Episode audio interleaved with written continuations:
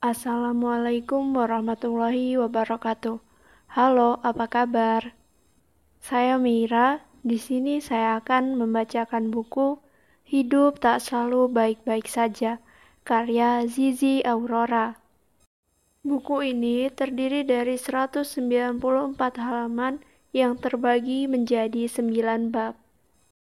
Bagi kalian yang ingin memberikan saran atau ingin merekomendasikan buku untuk dibaca, kalian bisa tulis di kolom komentar.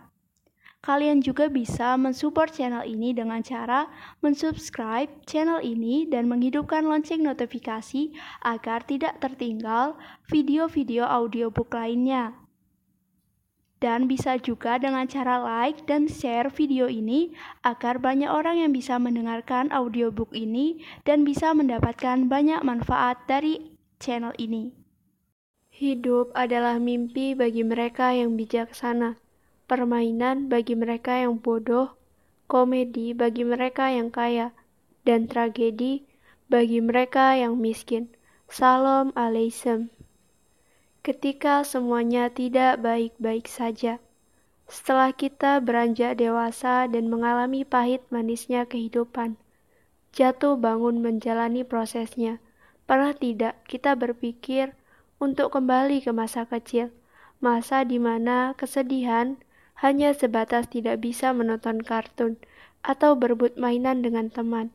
Iya sih, tapi saya rasa tidak ada hidup yang selalu baik-baik saja bahkan sejak kita kecil, di mana di masa kecil pun, saya yakin kita semua juga pernah mengalami hal yang tidak baik-baik saja, apa pun bentuknya. Jadi sebenarnya, sejak kecil kita sudah dilatih untuk menjalani kehidupan yang tidak selalu baik-baik saja ini. Mungkin di antara kita akan ada yang bilang, tapi setidaknya tidak akan serumit saat kita beranjak dewasa. Oke, okay, fine. Saat kita kecil, masih ada orang-orang di sekitar kita, entah itu ayah, ibu, saudara, kakek, atau nenek yang bersedia mengulurkan tangan dan menggendong kita supaya kita tidak terlalu sedih. Tapi setelah dewasa, semua menjadi kebalikannya. Orang-orang menjauhi kita hanya karena satu kesalahan yang membuat kita hanya karena satu kesalahan yang kita buat, atau mungkin sebaliknya, kita yang menjauhi orang-orang karena tidak ingin orang lain tahu bahwa kita sedang tidak baik-baik saja. Saya adalah tipe orang yang kedua.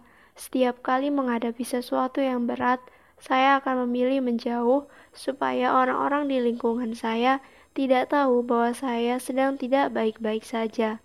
Sebisa mungkin, saya menghadapi semuanya sendiri bukan karena saya merasa sanggup dan tidak butuh orang lain, bukan sama sekali.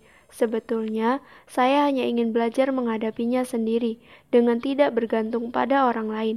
Semakin saya dewasa, saya semakin menyadari bahwa setiap orang memiliki masalah dan kepentingannya masing-masing. Mereka tidak selalu hadir untuk mendampingi kita yang sedang berjuang menghadapi masalah. Itulah kenapa ketika saya menghadapi masalah, saya akan mendatangi diri saya sendiri dan memilih menghadapi semuanya sendirian. Kecuali saat sudah benar-benar buntu, barulah saya mendatangi satu orang yang paling saya percaya untuk membantu atau sekedar mendengarkan curahan hati saya. Apa pun cara kita menghadapi kenyataan hidup yang tidak selalu baik-baik saja ini, tolong jadikan diri kita sebagai tempat pulang Sebab saat diri kita benar-benar jatuh, yang bisa menyemangati kita ya diri kita sendiri. Yang bisa mendorong diri kita untuk benar-benar bangkit adalah diri kita sendiri. Seluruh kekuatan dan kemauan ada di dalam diri kita sendiri. Membangun kesadaran bahwa hidup tak selalu baik-baik saja pun ada di dalam diri kita sendiri. Jadi, masihkah kita mau membenci diri sendiri atas apa yang terjadi di dalam hidup? Bagian satu tentang masa lalu yang terkadang menjegal. Seburuk apa pun masa lalu kita, kita pasti hanya ingin semua terlihat sempurna dan tanpa celah. Kita ingin orang lain melihat diri kita yang sekarang dan bukan diri kita di masa lalu. kita juga ingin diterima di lingkungan pergaulan sebagaimana orang lain diterima, sebab masa lalu bukan ukuran untuk menilai seseorang. Kenapa ia selalu mengikutiku? Saya pernah merasa sangat takut dengan salah satu masa lalu yang sempat saya alami. Waktu itu saya masih berusia tujuh tahun. Rasa itu masih terasa betul mengikuti sampai hari ini. Dan masih teringat jelas dalam pikiran saya bagaimana setiap putaran adegan itu terjadi. 2001, menjelang petang. Untuk pertama kalinya, saya melihat ayah dan ibu saling ribut karena satu masalah. Kejadian itu tepat di depan mata saya. Masih teringat jelas bagaimana barang-barang di dapur melayang berhamburan dari tangan ibu juga ayah saya. Pertengkaran itu diakhiri dengan ibu menata seluruh bajunya dan pergi dari rumah kemudian. Sebelum pergi, ibu mendekati saya dan berpesan supaya saya menjaga adik saya dengan baik. Saat itu saya pun, saat, saat itu saya punya adik yang belum genap berusia satu tahun. Melihat ibu menyandang tasnya dan keluar dari rumah, saya tidak menangis.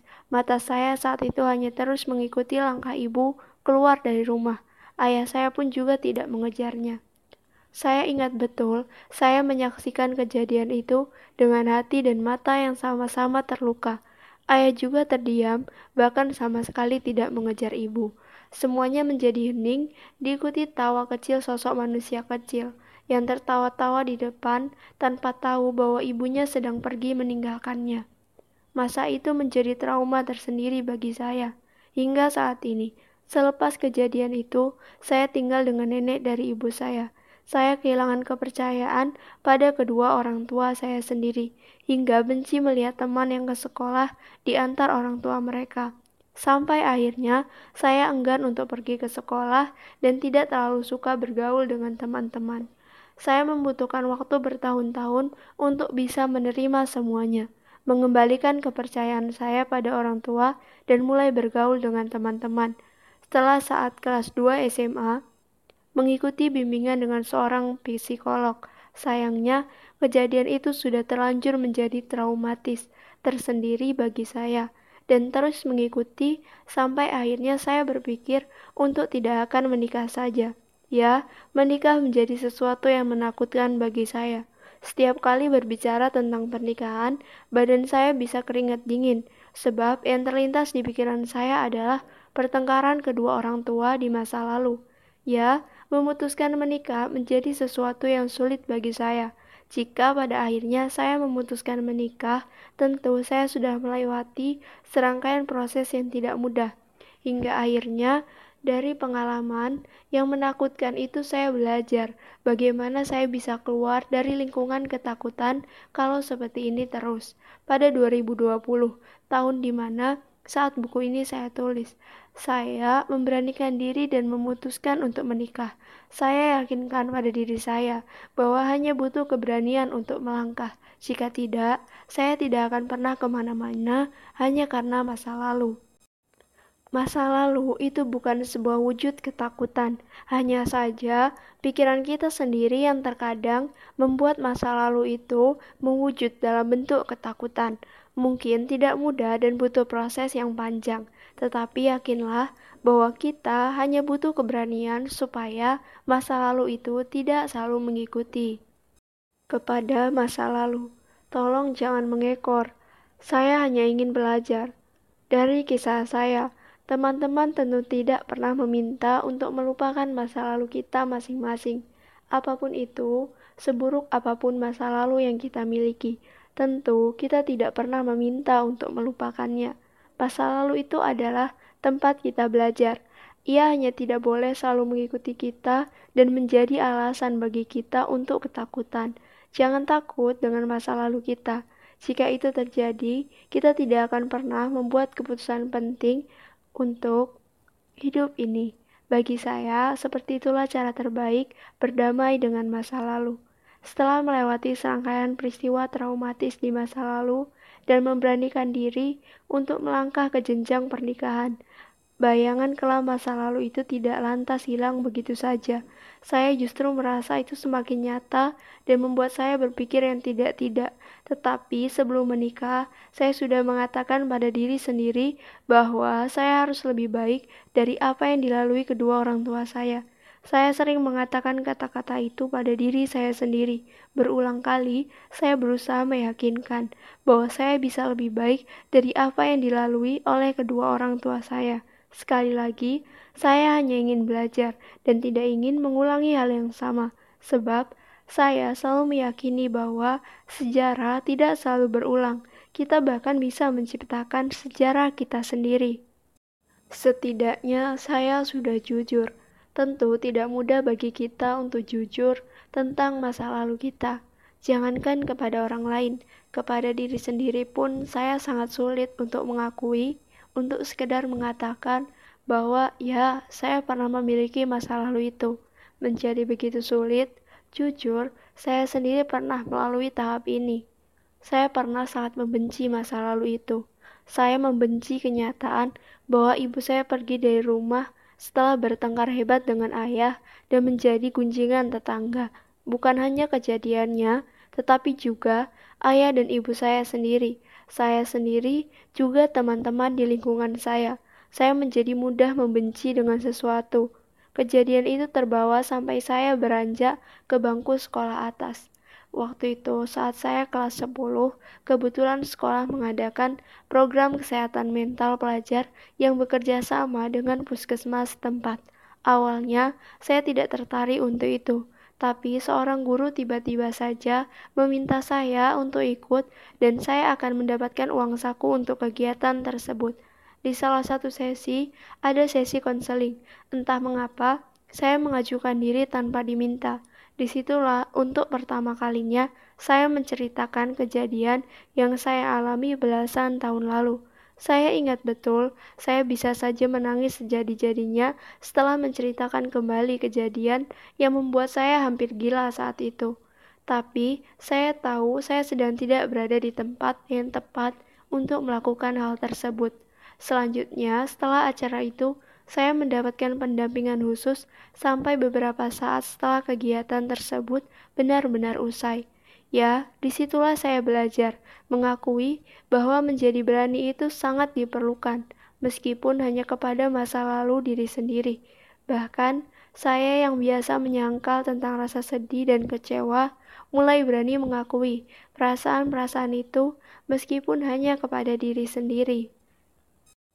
Seburuk apa pun masa lalu kita, akuilah pada diri kita sendiri, sampai akhirnya kita bisa benar-benar menerima dan menjalani hidup kita ke depan dengan lebih baik. Saya sudah menerima. Tanda bahwa kita sudah menerima masa lalu adalah keberanian kita melangkah pada tahap kehidupan baru, seperti saya yang takut dengan perseteruan dalam rumah tangga. Tapi memutuskan untuk menikah dan melawan rasa takut itu. Saya percaya setelah saya memiliki masa lalu yang sedemikian rupa, mungkin saya akan lebih hati-hati untuk melangkah. Itulah hal terbaik yang seharusnya kita lakukan.